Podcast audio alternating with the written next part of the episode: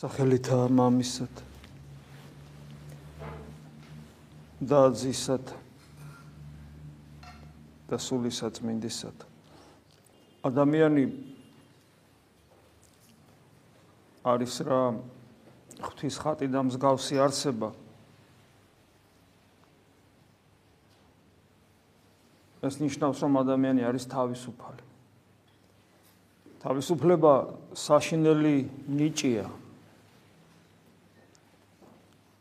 ღმერთისაგან მოცემული. საშინელია იმიტომ, რომ უდიდესი პასუხისგებლობის წინაშე გვაყენებს. პასუხისგებლობა რომელიც მარადისობას გასწოდება. თითოეულ ჩვენგანს განუცდია პასუხისგებლობა რაღაც ცირე ზომით. როდესაც რაღაც გარკვეული ვალდებულებები გაგვაჩნია ხოლმე და რომლის შესრულების ან შეუსრულებლობის გამო უაღრესად ნერვიულობთ, განვიცდით. ჩვენ ისიც გამოგვიცდია, როცა რაღაც საქმეს რაც ჩვენი საკეთებელია უპასუხისგებლობით მოვეკიდებით ხოლმე როგორი ძიმე დარტყმა მე ჩვენ სინდისზე, ჩვენს პიროვნებაზე, ჩვენს ადამიანურ ღირსებაზე. ჩვენ ისიც ვიცით, რომ პასუხისგებლობით ცხოვრება არც ისე იოლია და გარკვეულ უნარჩვევებს საჭიროებს, რომელიც ბავშვობიდანვე უნდა მოგვენიჭოს აღზრდის პროცესში თუნდაც. ხოლო როცა სულიერი ცხოვრება დავიწყეთ, ჩვენ ვიცით, რომ სულიერ ცხოვრებაში ერთ-ერთი ნიშნულოვანი და უმთავრესი არის აღზრდა საკუთარი თავისა, როდესაც ამით ჩვენ ღმერთთან თანამშრომლობთ და თანამუშაკუნი ხდებით ჩვენ უფლის. და ისიც გამოგვიცდია, რომ თუ ასე არ ვიქცევით, როგორი წარუმატებელი ხდება ჩვენი სულიერი ცხოვრება. ასე რომ პასუხისგებლობა უნიშნულოვანესი ღირებულებაა თითოეული ჩვენგანისათვის და მის გარეშე ადამიანური სიცოცხლე ყოფიერება უაღრესად არაჯანსაღად მიმდინარეობს. ეს ახება აბსოლუტურად ყველაფერს, თვით მატერიალური ცხოვრების წესსაც კი. პატრიარქს აქვს ერთხელ ნათქვამი სიგარების მანკიერებაზე. ჩვენ ხშირად გვესმის, როცა თქვა ეკლესიაში ვართ, რომ აი დიდარი და გლახაკი ლაზარე და ასე შემდეგ. და ვფიქრობთ, შეიძლება ილუზია გვექნება ხანდახან, რომ სიხარებე თავისთავად გარკვეული რაღაც სათნოება.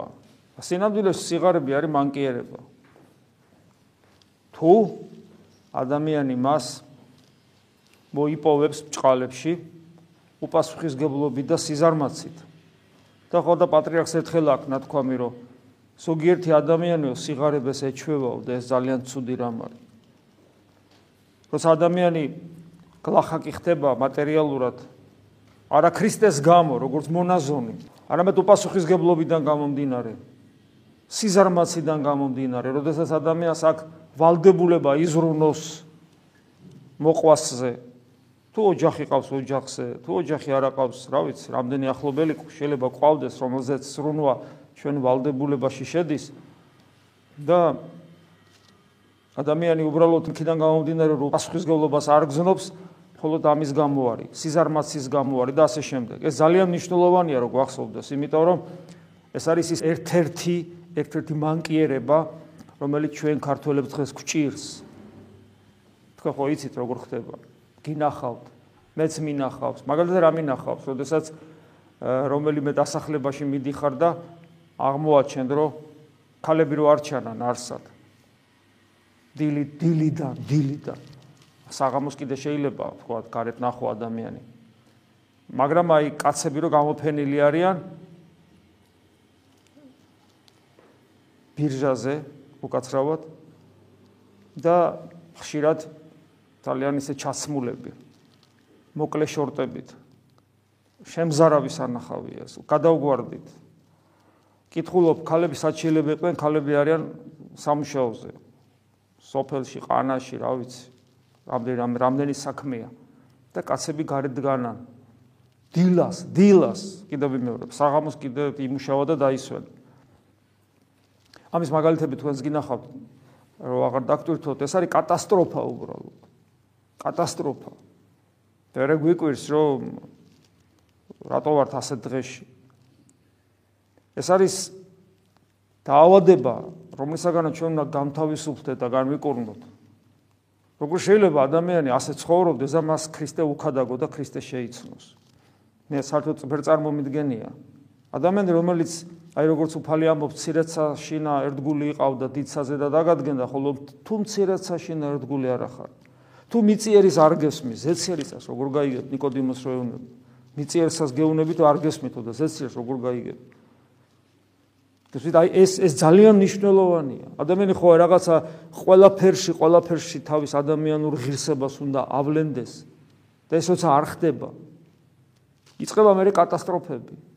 და მე მე რაღაცნაირად ეს ურა პატრიოტული რაღაცა ესე იგი სადღეგრძელოებით ეს ეს საშინელება, საშინელება, ყველა სუფრაზე სადაც არ უნდა მოხდე, ალბათ ესე იგი ამდენი ღირსეული ქართველი და ასე სამშობლოს მოყვარული თუ არის, სადავართ, რა რას ვაკეთებ? цаრიელი სიტყვები დარჩა აბსოლუტურად ყველაფერი. ვეჩვევით, ვეჩვევით ამ უბედურებას. რატომ? იმიტომ რომ პასუხისგებლობის სერიოზული დეფიციტია და პასუხისგებლობა აა ორი ტიპის არის, როგორც ხშირად გვითხოვს, ეს არის ინდივიდუალური პასუხისგებლობა და აა საზოგადო პასუხისგებლობა. როცა პასუხისგებლობას გზნობ ოჯახის წინაშე და შენი სამშობლოს წინაშე. აა პრაგმატულადაც რო შეხედო, იმიტომ რომ ჩვენ სამწუხაროდ ეს აი ეს სულისკვეთება აა უანგაროდ თავშეწირვისა ჩაკარგულია სადღაც შუა საუკუნეებში. მაგრამ აი ეს ის პრაგმატულადაც რო შეხედო სამშობლოს წინაშე პასუხისგებლობა ძალიან მნიშვნელოვანია იმიტომ რომ ამ სამშობლოში შენი შვილები შვილიშვილები და ემათი კიდე შვილები უნდა გაიზარდონ. და თუ ეს არ ივარგებს რაც აქ ხდება გესმის ისევ შენი სისხლ და ხორცი გაიტანჯება ამ კუთხით მაინც უნდა შეხედო. მაგრამ რა ვთქვათ როცა ადამიანს საკუთარი შვილების წინაშე პასუხისგებლობის გზნობა არ აქვს. მე რამდენჯერ მithქვი ახალგაზრდა ადამიანისათვის.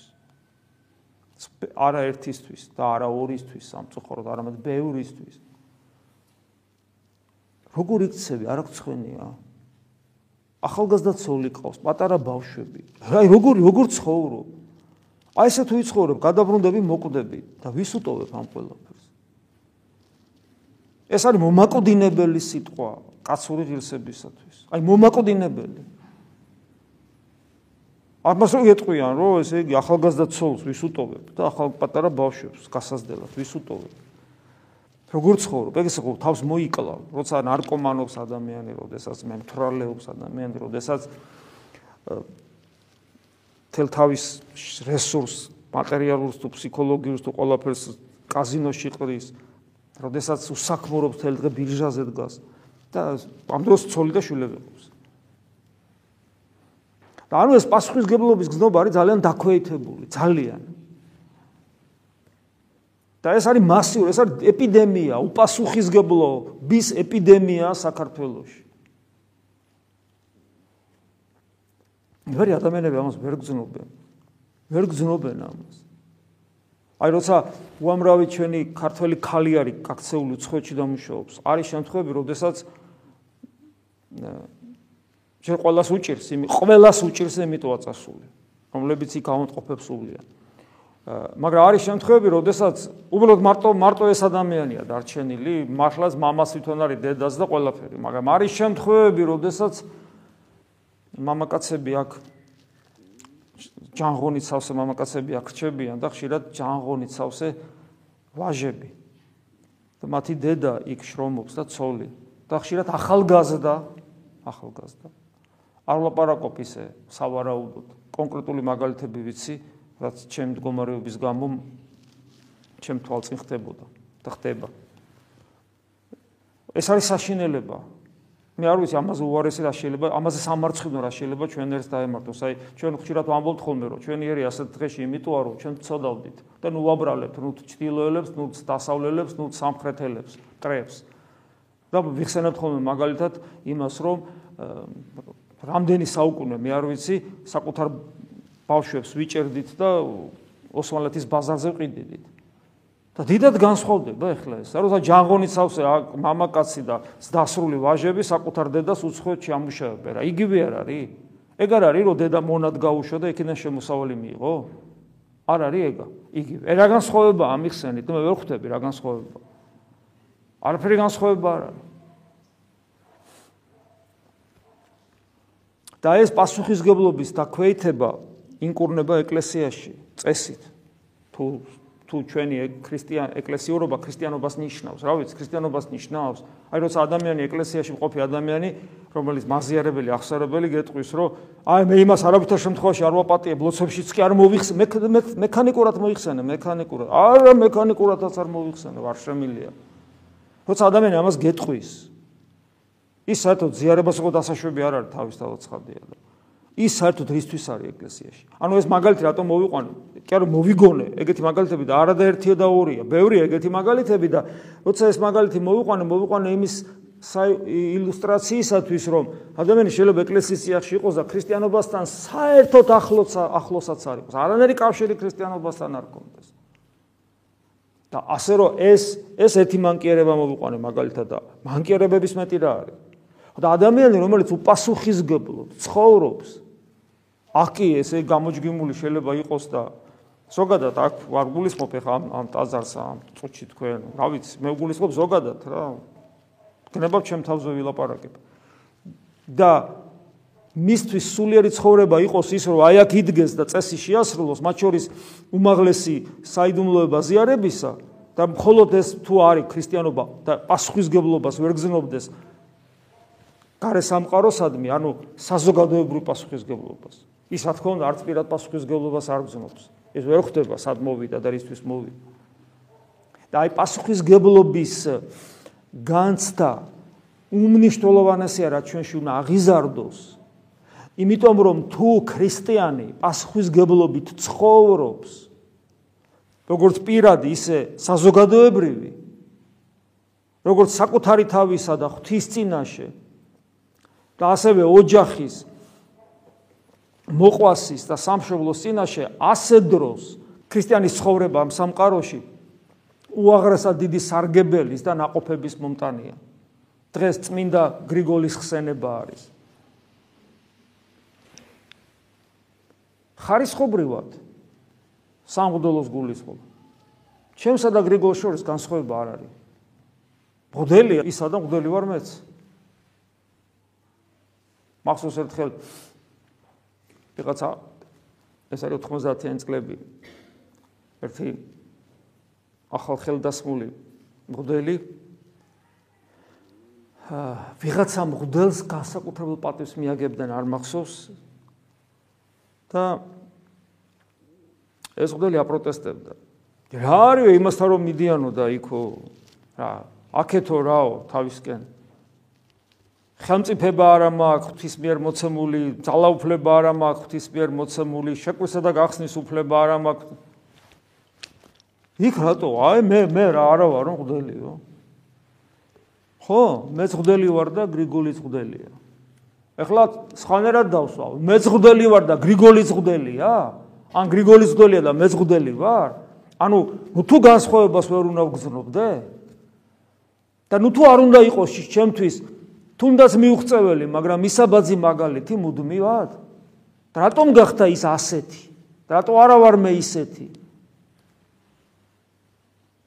იმიტომ რომ მას ჰქონდა სწორედ აი ეს პასუხისგებლობა ღვთის წინაშე საკუთარი ცხონების თვალსაზრისითაც და ღვთისადმი უანგარო სიყვარულიდან გამომდინარეც და მას ჰქონდა პასუხისგებლობის დიდი განცდა.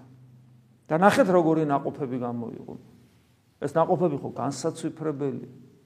ნახეთ, იმდანად განსაცვიფრებელია ეს ناقოფები, რომ ყველა ურწმუნო მკვლევარიც კი, ყველა ურწმუნო, არაეკლესიური, არაქრისტიანულად მაცხოვრებელი, ყველა აღიარებს, რომ აი ეს საქართველო, რომლის წყალობითაც ჩვენ დღეს ქართველები გვქვია და ვამაყობთ დავითის, დამარის საქართველოს გულისხმობა. მისი დამსახურება. აი ესე ამბობენ. ეს შეიძლება მორწმუნემ თქვას და თქვა რომ აი ხა მორწმუნე ადამიანი რაღაც ფანტაზიორობს. ურწმუნო მკვლევარები ვერ ნახავთ მკვლევარს ესე რო არ ამბობდეს. ეს რა საოცრებაა ხო? თითქოს ის ნიშანია მოცემული რომ ჯო ამდენი ხანი გიყურებთ ქართველებს 35 წელია თუ რაც არის ამდენი ხანია რომ ფეხზე ვერ დგებით და ჯო აგერ გაჩვენებთ ამ ადამიანს. აი ეს ეს არის საჭირო რომ თქვენ ფეხზე წამოდგეთ. და თანახეთ რა საოცრებაა ჩვენ ხო ბედოვლათები ვართ საშინლად. ჩვენ ხო დავკარგეთ ეს ადამიანი. ჩვენ არა მარტო აი გვიგვი აუ ტაუკლარჯეთი დავკარგეთ. საშინელება დიდება უფალს აგერ პატარა 4 თა გვიშენდება აქ თუ დავადგით თავი. მადლობა ღმერთს ამისათვის ტაუკლარჯეთი დავკარგეთ და მართლაც დავკარგეთ. მე ერთხელა ვარ ნამყოფი და მე მაშინ ვთქვი რომ მე აქ აღარ მოვალ მეთქი მე ახლა ხო ხო თქვა თუ მინა სიკვდილი წავალ მაგრამ აი საშინელი ტრაგედია იყო ჩემთვის ეს. საშინელი ტრაგედია იყო. ეხლა რომ ახსენდება აუტანელია ჩემთვის რომ აი როგორ როგორ ვიყავით აი რომ დადიხარ და სულ გაქ იმის განცდა რომ აი სული ღია გაქ და სულში განერწყვებენ. აი ეს განცდა იყო სულ თელი ყოფნის განმავლობაში. რომელსაც გარეგნულად ვაკომპენსირებდი ვითომ სიხარულით და რაღაც ეს საშინელება, საშინელება იქ წასულა. და სხვათა შორის მე საოცარი იყო ის, რომ იქიდან რომ ჩამოვედი და ეს არის ერთ 20 წლის წინ ვიყავი, მგონი აღარც რამდენი ხნის წინ ვიყავი, აღარც მახსოვს.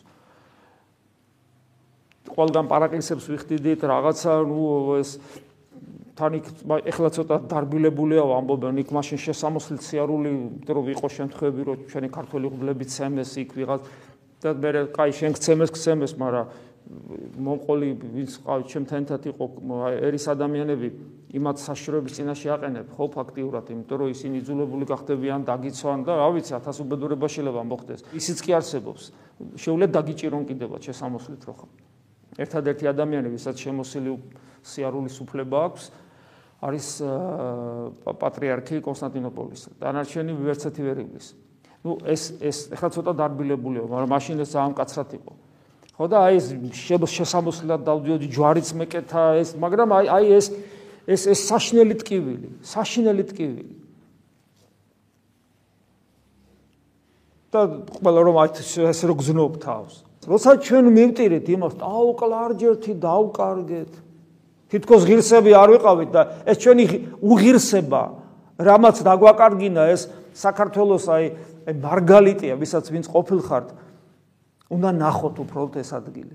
ეს არის ხო საქართველოს ულამაზესი ბუნება აქ და ეს ბუნება არის აბსოლუტურად უნიკალური. საერთოდ არ გავს არაფერს. ფერადი მთები, საოცრება, ერთი მთა, ერთი ფერია, მეორე მთა, მეორე წითელი მთა, მწვანე მთა, რა ლურჯი მთა, რა ვიცი ეს საოცრება. საოცარი ხევები, ხეობები, ეს არის ულამაზესი. სუნი, აი გადმოხვალ და რა სპეციფიური წიწოვანი რაღაცა, რანერი სუნი დგას. თურმე იმ ხეებს აქ ეს სუნი. ეს არის საოცრება. თან ეს როგორ არის? ისე მიწაც სოფლის სამეურნეო მხარე არ არის იქ სულ სულ თაგორიანია. აი ეს არის მხარე, რომელშიც რომელიციც ეკონომიურად ვერ წამოგწევს ქვეყანას. ეს არის სამონასტრე მხარე. იმიტომ რომ ის მართლა მართლა ბერებისათვის საცხოვრებელი მხარეა, ის სალოცავი მხარეა მართლა. ეს ტაძრები ცით როგორია? ის ქართული ტაძრები აი უზარმაზარი ტაძრებია. პატარა ტაძარს იქ ვერ ნახავ. უზარმაზარი უმშვენიერესი დიდებული. დავკარგეთ დავკარგეთ. ჩვენი ბედოვლათობა რომლის მიზეზად ეს დავკარგეთ ყველაზე მეტად იცით რაში ჩანს რომ ეს კაცი ეს დიდებული ადამიანი წმინდა გრიგოლი მე-20 საუკუნის დასაწყისამდე ფაქტობრივად დაკარგული ქონა. ილია ჭავჭავაძემ არ იცოდა გრიგოლ ხანძთელის არსებობის შესახებ. წარმოგიდგენიათ? ისე იყო დაკარგული. ისე იყო დაკარგული. როგორც ილია ჭავჭავაძემ არ იცოდა მისი არსებობის შესახებ. ვისი ბრალია ეს? მაინტერესებს. ვისი?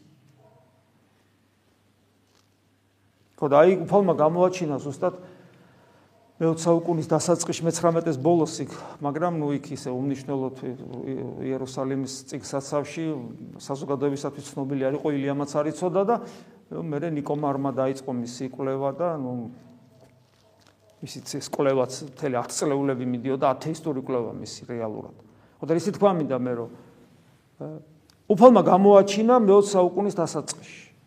ეგება ამით გვითხრა, შეიძლება არ გამოჩენილიყო. ერთადერთი ხელნაწერი აღმოჩნდა. და მე მე მეაკულიეს სვინაქსარებში რო თქვა გარკვეულ პერიოდებში იხსენებდნენ როგორც წმინდას და ასე შემდეგ იქ 15-16 საუკუნეში იყო თუ რაღაც ეს მაგრამ ეს ეს ალაგალაგ სადღაც. და შეიძლება არც მექციათ ყურადღება იმისთვის რომ იმის გამო რომ ჩვენ არ არ არ ესე იგი არ ქონდა მისი ცხოვრება არაფერი არ ვიცოდით. რომ არა ერთადერთი ხელნაწერი აღმოჩნდა. მეტი არ არსებობს წარმოგიდგენიათ. და ხატი არა გვაქვს, ერთადერთი მინიატურა არსებობს. პატარა მინიატურა არსებობს, რომელიც გიგო ხანსელი აწერია და ნუ იქაც გაურკვეველია, იმიტომ რომ მღვდელმთავრის შესამოსელი აქვს. მღვდელმთავარი არ იყო, მღვდელი იყო, ჩვენ ვიცით რომ მღვდელი იყო, არ იყო მღვდელმთავარი. თუმცა მე სვანეთში ვნახე სხვათა შორის მაქსიმი ახსარებლის ფრესკა, რომელსაც მღვდელმთავარის ომოფორი აქვს და გავუცდი მღვდელს ვეკითხები ეს ხო რა ვიცი ესეაო და ანუ ეთყობა ეს ტრადიციაც არსებობს რომ ღდელთავარი არ არის მაგრამ ღდელთავრის ომოფორით ხატავენ როგორც სულიერად ღდელთავარი და ჩვენ ვიცით ამ ხელ ავტორიტეტი ქონდა ფაქტობრივად საეკლესიო კანონზე მაღლათ იდგა თავის ავტორიტეტით. ხო და აი რატო გამოჩნდა? შეიძლება იმიტომ გამოჩნდა რომ 20 საუკუნე ჩვენთვის ძალიან მნიშვნელოვანი იყო ქართველებისათვის ჩვენ სულ გასაყარზე ვდგავართ ის პირველი პერიოდი სამი წელი თავისუფალი ვიყავით, გამოსთა ვერ ჩავაბარეთ, იმიტომ როგორც გათავისუფლდით, ეგრევე ეკლესიას დავეტაკეთ და დავიწყეთ მისი ესე იგი რბევა და გაძარცვა და პატრიარქი მოვკალით. ჰუ, ფალმა თქვა ესენი საკუთარი პასუხისგებლობით კლავენ პატრიარქს და საკუთარი პასუხისგებლობით ანადგურებენ თავის ეკლესიას და წაგვართვა ეს პასუხისგებლობა და სხვა მგვინადგურა მე ბოლშევიკებმა. ეხლა ისე მოგცა თავისუფლება. და არ ვიცი აი როგორ გამოვალთ ამ სიტუაციიდან ხო და ეგ დასაწყისი მე-20 საუკუნის დასაწყისში უფალმა გაგვახსენა რომ ჩვენ ესეთი წმინდანი ყავდა მე ურწმუნო მკვლევარებს ათქმეინა რომ ურწმუნოს ეს კიდევ ვიმეორებ ურწმუნო შეთქო ეს ეს ამას სალა არ ექნებოდა. ისეთი ურწმუნო მკვლევარებს ათქმეინა ურწმუნოში გულისხმობ არაქრისტიანულად მაცხოვრებელი ურწმუნო აბა რა არის? ურწმუნო ათეის მკვლევარებს საბჭოთა მკვლევარებს ათქმეინა რომ ამის garaში არ გეყოლებოდათ არც დავითი და არც თამარი და ჩვენ ეს უნდა გვესმოდეს და ვიცოდეთო ჩვენ თუ გვინდა რომ გავცოცხლდეთ როგორც ერი ჩვენ გვჭირდება აი ეს სული. ეხლა ეს სული როგორ ასნიშნავს ეს გვჭირდება? აბა ხა დაიწყო ძიება. აბა აბა ყვავს ეხლა ესეთი მღვდლები ყვავს ყვავს ესეთი ქრისტიანები არა ყვავს აბა აბა აბა რა არა ყვავს აბა რა ვქნათ? შენ გახდი ესეთი. და კიდე შენ და კიდე შენ და ჩვენ გავხდეთ ესეთები. აუ, ჩვენ როგორ უნდა გავხდეთ? როგორ? შვენივრად. მივბაცოთ. აბა რანაირად? აი ეგრე. ჩვენ აქამდე უნდა გვწოდნოდა, რომ არათუ გრიგოლს უნდა მივბაცოთ, არამედ პავლეს უნდა მივბაცოთ. და არათუ პავლეს უნდა მივბაცოთ, არამედ იესო ქრისტეს უნდა მივბაცოთ. იმიტომ მოვიდა ღმერთი ადამიანად, რომ ჩვენი მიბაძვის საგანია იგი. რომ ჩვენ მას მივბაცოთ და მივამსგავსოთ. და როცა ჩვენ გვაქვს ვალდებულება თუ ავიღებთ ჩვენ თავს ვალდებულება თუ გრიგოლს მიბაძო და ამერწმუნოთ რომ ეს გაცილებით იოლია ვიდრე უფალს მიბაძო და გნება პავლეს მიბაძო ამიტომ თუ ჩვენ გვინდა გამოვიდეთ ამ ძიმე მდგომარეობიდან უნდა მიბაძოთ მას. წმინდა გრიგოლს. მღვდლებმა პირდაპირ გაგებით და ერის ადამიანება ასევე პირდაპირ გაგებით იმიტომ რომ ყველა ადამიანი ყველა ადამიანი ქრისტიანი არის სამეფო და სამღვდელო დასი. ოდესაც გრიგოლი ლოცვას იწყებს, ანათებს ადამიანი ამ სიტყვის პირდაპირ გაგებით. და ხანდახან ისი ანათებს, რომ მის სენაკში რო იხედება მორჩილი, გონია რომ სენაკს ცეცხლი უკიდია. და ესე გვასწავლიან დიდი ღვთისმეტყველნი. რომ რამდენჯერ გვითქვა ქრისტე ჩვენ შორს კი აღარ აყვავს საძიებელი ჩვენ შიგნით ვეძებთ მას იმიტომ რომ ჩვენში დამკვიდრდა და ჩვენ გულთან დგას და ეგება ვიღაცამ გამიღოსო და ისე გაუღო კარი რომ იყო ნათელი ამას ოფლისა და ისეთი ნათელი რომ დღემდე ანათებს. და ეგრეა გვასწავლია ღვთისმოწყალნი რომ თაბორის ნათელი როცა გარეთ იხილვებოდა ამაზე ხო რამდენჯერ გვითქვია ახალი აღთქმის პერიოდში რაც სულიწმინდა გარდა მოვიდა ახალი აღთქმის პერიოდში თაბორის ნათელი თაბორისეული ნათელი შიგნით იხილვება, იმიტომ რომ ქრისტე ჩვენ შიგნით არის, სხვაგან საძებელი არ აყვავს იგი. და ნახეთ როგორ იპოვა, როგორი ناقოფი ქონდა. და არა მარტო მას, ნახეთ აი დიდი მღვდელი რატომ იყო? იმიტომ რომ თავისთვის კი არ იყო მარტო, ინდივიდუალური პასუხისგებლობა კი არ ქონდა მარტო. რომ მას რო ქონდა გაცნობიერებული პასუხისგებლობა თელი ერისა და ბერის წინაშე, ჩანს იქიდა რომ უამრავი მოწაფე გაზარდა. ისეთი რომელიც ასევე ანათებდნენ ლოცვის დროს. თვითონ ხო ლოცვას იწყებდა ანათებდა. მისი მოწაფეები ლოცულობდნენ და ანათებდნენ წარმოგიდგენიათ ანათებდნენ. ფიზიკურად ანათებდნენ. თავის მეთოდიკაც ჰქონდათ. გახსოვთ. მათ სენაკებში რომელიც სრულად იხურებოდა და სრული სიბნელე იყო არ ქონათ უფლება სანთლის შეტანის და კანდლის ანთებისაც კი. ისინი სრულ სიბნელეში იყვნენ. არათაც იოსების სიკასთან მკითხულობ ნახე რა საერთოა ხო? იოსების სიკასტი დღეს არის გრიგოლი როდის იყო. ეს სულისკვეთება საერთო. სოფრონ სახარავი პირდაპირ ამბობს ინგლისელი რომ ფიზიკური ნათელი ხელს უშლის ხელთუქმნელი ნათლის ძიებას საკუთარ თავში. ასე ჩვენ არ ვიგონებთ არაფერს, როცა ვამბობთ, რომ სიკასტური პრაქტიკა სიბნელეში უნდა ტარდებოდეს. ეს ლოცვა სიბნელეში აღევლინება და აღესრულება.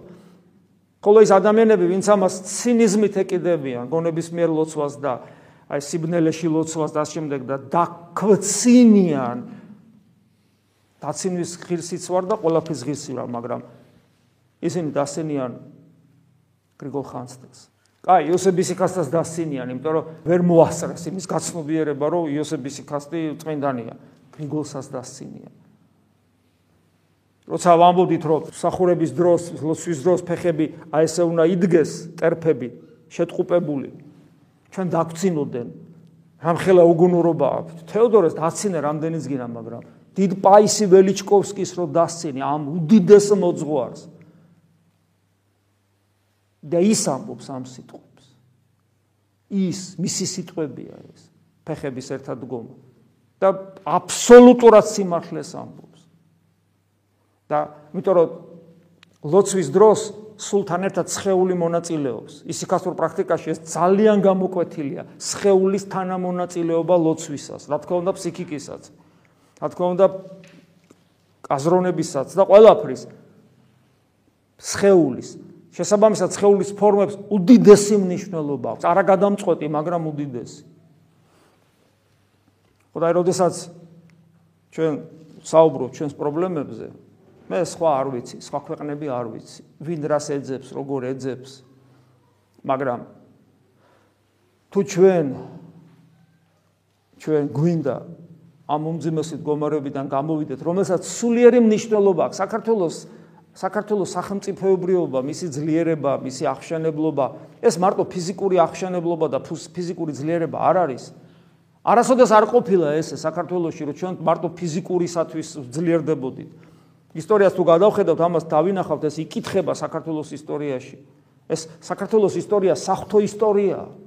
იმიტომ კი არა რომ ჩვენ კარგები ვართ, არა, არ ვიცი რატომ ესე ინება, ამიტომ ილუზიაში ვიმყოფებით. მანამ სანამ გვეგონება, რომ ჩვენ ამოვალთ ამ მდგომარეობიდან ვიდრე არ აღვიჭურვებით იმ პასუხისგებლობით, საზოგადო პასუხისგებლობით, რომელსაც გრიგოლი გვაჩვენებს. და მას უკვე სიცოცხლეშივე ისეთი ძალმოსილება ქონდა, რომ ესე იგი ის გავლენას ახდენდა როგორც პოლიტიკურ სიტუაციაზე, ასევე ეკლესიის პოლიტიკაზეც მოდი ასე თქვა. და არა იმიტომ რომ სადმე რაღაცნაირად ეს იგივე პოლიტიკურ სიტუაციაში ერეოდა და ასე შემდეგ, ის მხოლოდ ზნეობის მასწავლებელი იყო მეფეთათვის და მეტი არაფერი. უბრალოდ მისი მდგომარეობა იყო ასეთი შინაგანი, რომ ის ძალმოსილებას ასხივებდა. იმ ძალმოსილებას, რომელიც ერთ ჭირდებოდა. დღეს მისი ხსენებაა და შევთხოვოთ ამ დიდებულ წმინდას, იმ მის თანამოღვაწე ტაოკლარჯელ მამებთან ერთად, რომლებიც მისი მოწაფეები იყვნენ და მისი მოწაფეების მოწაფეები და კიდე მოწაფეები, სანამ არსებობდა ეს დიდი საქართველო, რომ ყოფილიყვნენ მეოხნი ღვთის წინაშე ჩვენთვის, დღევანდელი ქართველებისათვის. დღევანდელი მღვდლებისთვის რომ გაგვეცნობიერებინოს, რომ ყავს მისაბაძი მაგალითი. მაგალითად მე თეოდორე რიგითი მღვდელი, არ უნდა ვაძლევდე ჩემ თავს მოსვენებას, მანამ სანამ მისნაერი არ გავხდები. როდის გახდები შენ მისნაერი? შეიძლება არც არასოდეს. მაგრამ მე არ უნდა მივცე ჩემ თავს უფლება მოშვებისა, იმიტომ რომ რადგან ვიცი რომ აი პავლე მოციქულია, თქვა იქით არის. ქრისტე ადამიანად მოსული ღმერთია. მაგრამ გრიგოლი ადამიანია, ადამიანი, საერთაშორის დიდგვაროვანი ფუფუნებაში დაბადებული და გაზრდილი. დიდგვაროვანია. და ადამიანია, ჩვეულებრივი, ხორცი და სხეული აქვს და ასე შემდეგ. რატომ არ უნდა იყოს ჩემთვის მისაბაძი მაგალითი? აბა ვის უნდა მიუბაძო მე როგორც ხდელმა, მაინტერესებს. და არ ვედრები, მაგრამ ხო გზას მაჩვენებს. ხო უნდა ვისრაფო იქითკენ. და მე ხო ვიცი, როცა ნიშნული ძალიან ზემოთ არის და შენ თავს არასვენებ მანამ სანამ იმ ნიშნულთან არ მიხვალ და შეიძლება ვერც ვერასოდეს ვერ მიხვიდე, მაგრამ ეს ნიშნული რო ზემოთ არის, ეს ხო შენთვის ერთგვარი წინამძღვარია, მაგალითია. შესაბამისად ეს არის მუდმივად განვითარების შესაძლებლობას გაძლევს. და ერისკაცებისთვისაც, ლოცვა ერისკაცებისთვისაც ისწავლება. ისე როგორც გრიგოლი აკეთებდა ამას. მიუხედავად იმისა, რომ ჩვენ მისი სწავლებები აღარ დაგვრჩა. მადლობა ღმერთს, რაც დაგვრჩა გიორგი მერჩულეს მიერ აღწერილი. აი მიუხედავად ამისა, რომ ეს არ არის მისი გადმოცემული, მაგრამ რაც დაწერა გრიგოლმა ეს ყველაფერი დაიკარგა. ხო, კიდევ ერთი რაც მნიშვნელოვანია, მას სკოლა შექმნა. ამ სკოლის შექმნისათვის იგი მუდამ სწავლობდა, მუდამ სწავლ გრიგოლი, რომელიც ანათებს, სწავლობს მუდამ. და მათ შორის ჩადის ბერძნულ სამყაროში, იქიდან სწავლობს ასევე. თუ ვინმე მოღვაწე იყო, ყველას განსწავლობს და მიუხედავად იმისა, რომ მას ეს სწავლებები არ დატოვა მის ცხოვრებაში, მაინც არის ის ნიუანსები, სადაც მოინიშნავ შენთვის საკეთებელს და მე როდესაც მით უმეტეს ეს მონიშნული ადგილები დასტურდება როგორც ძველ წმინდა მამებთან, ისე თანამედროვე მოღვაწეებთან, შენ უაღრესად შესაძლებლობა გაქვს, რომ აი ამ ყოლაფრით ეს ყველაფერი შენში გააცოცხლო, მოინდომო ამის გაცოცხლება. ასე რომ თითოეული ჩვენგანის როგორც პირადი, ინდივიდუალური, ისე საზოგადოებრივი პასუხისგებლობა არის ძალიან მნიშვნელოვანი იმისათვის, რომ თლიანად ჩვენ გლობალურად აი ამ სიტუაციიდან ამოვიდეთ. ღმერთი ჩვენზე რო ზრუნავს ეს აშკარა, აი დღესაც იგზნობა, ადრეს გითხარით, ღმერთი რატომღაც ზრუნავს საქართველოსზე, ჩვენთან არის მშვიდობა და ჩვენ რაღაცნაირად ვარსებობთ რაღაცნაირად ვარსებობთ მიკვირს როგორ თუნდაც მატერიალურად გვიჭირს მაგრამ აინც ვარსებობთ არ უნდა გურდებით და გვაქვს შესაძლებლობა განვითარებისა მუდამ იგზნობა ეს. ეს არის უფლის წყალობა ეს ეთყობა უფალი ჩვენში ხედავს პოტენციას რომ ჩვენ შეიძლება მიუბაძოთ ესეთ დიდებულ ადამიანს. და ეს მიბაზვა სწორედ ამ მიმართულებით უნდა დაიწყოთ. გავაცნობიეროთ. ჩვენ ვართ პასუხისგებელი ღვთის წინაშე საკუთარი სულის გადარჩენის წინაშე ამავე დროს პასუხისგებელი ოჯახის წინაშე და ჩვენი სამშობლოს წინაშე. Ну, ასევე ჩვენი სამრევლოს წინაშე თითოეული თქვენგანი. ვართ პასუხისმგებელნი და თუ ამ პასუხისგებლობას რეალიზებას ამ პასუხისგებლობის რეალიზებას არ მოვახდენთ, ჩვენ პასუხს ვაგებთ უკვე ღვთის წინაშე, როგორც დამნაშავენი. და გვინდა რა გადარჩენა, ვერ გადავრჩებით, იმიტომ რომ პასუხისგებლოთ ვიცხოვთ. შეგვეციოს წმინდა გრიგოლი და როგორც მას უყვარდა უფალი ჩვენი იესო ქრისტე და ყველაფერი ხო საბოლოოდ ხო ყველაფერი აქამდე მიდის. რატო იყო ესეთი? ძალიან უყვარდა ქრისტე. არც მეტი არც ნაკლები. საერთოდ ეხლა ამდენი ლაპარაკის საჭირო არ არის. აი ჩვენ გვეთქვა ესე რომ აი როგორც გრიგოლს უყვარდა იესო ქრისტე, ესე შევიყვაროთ და ყველანი გადავრჩებით. მორჩა, აი ქადაგების ანი და ჰო ეგ არის.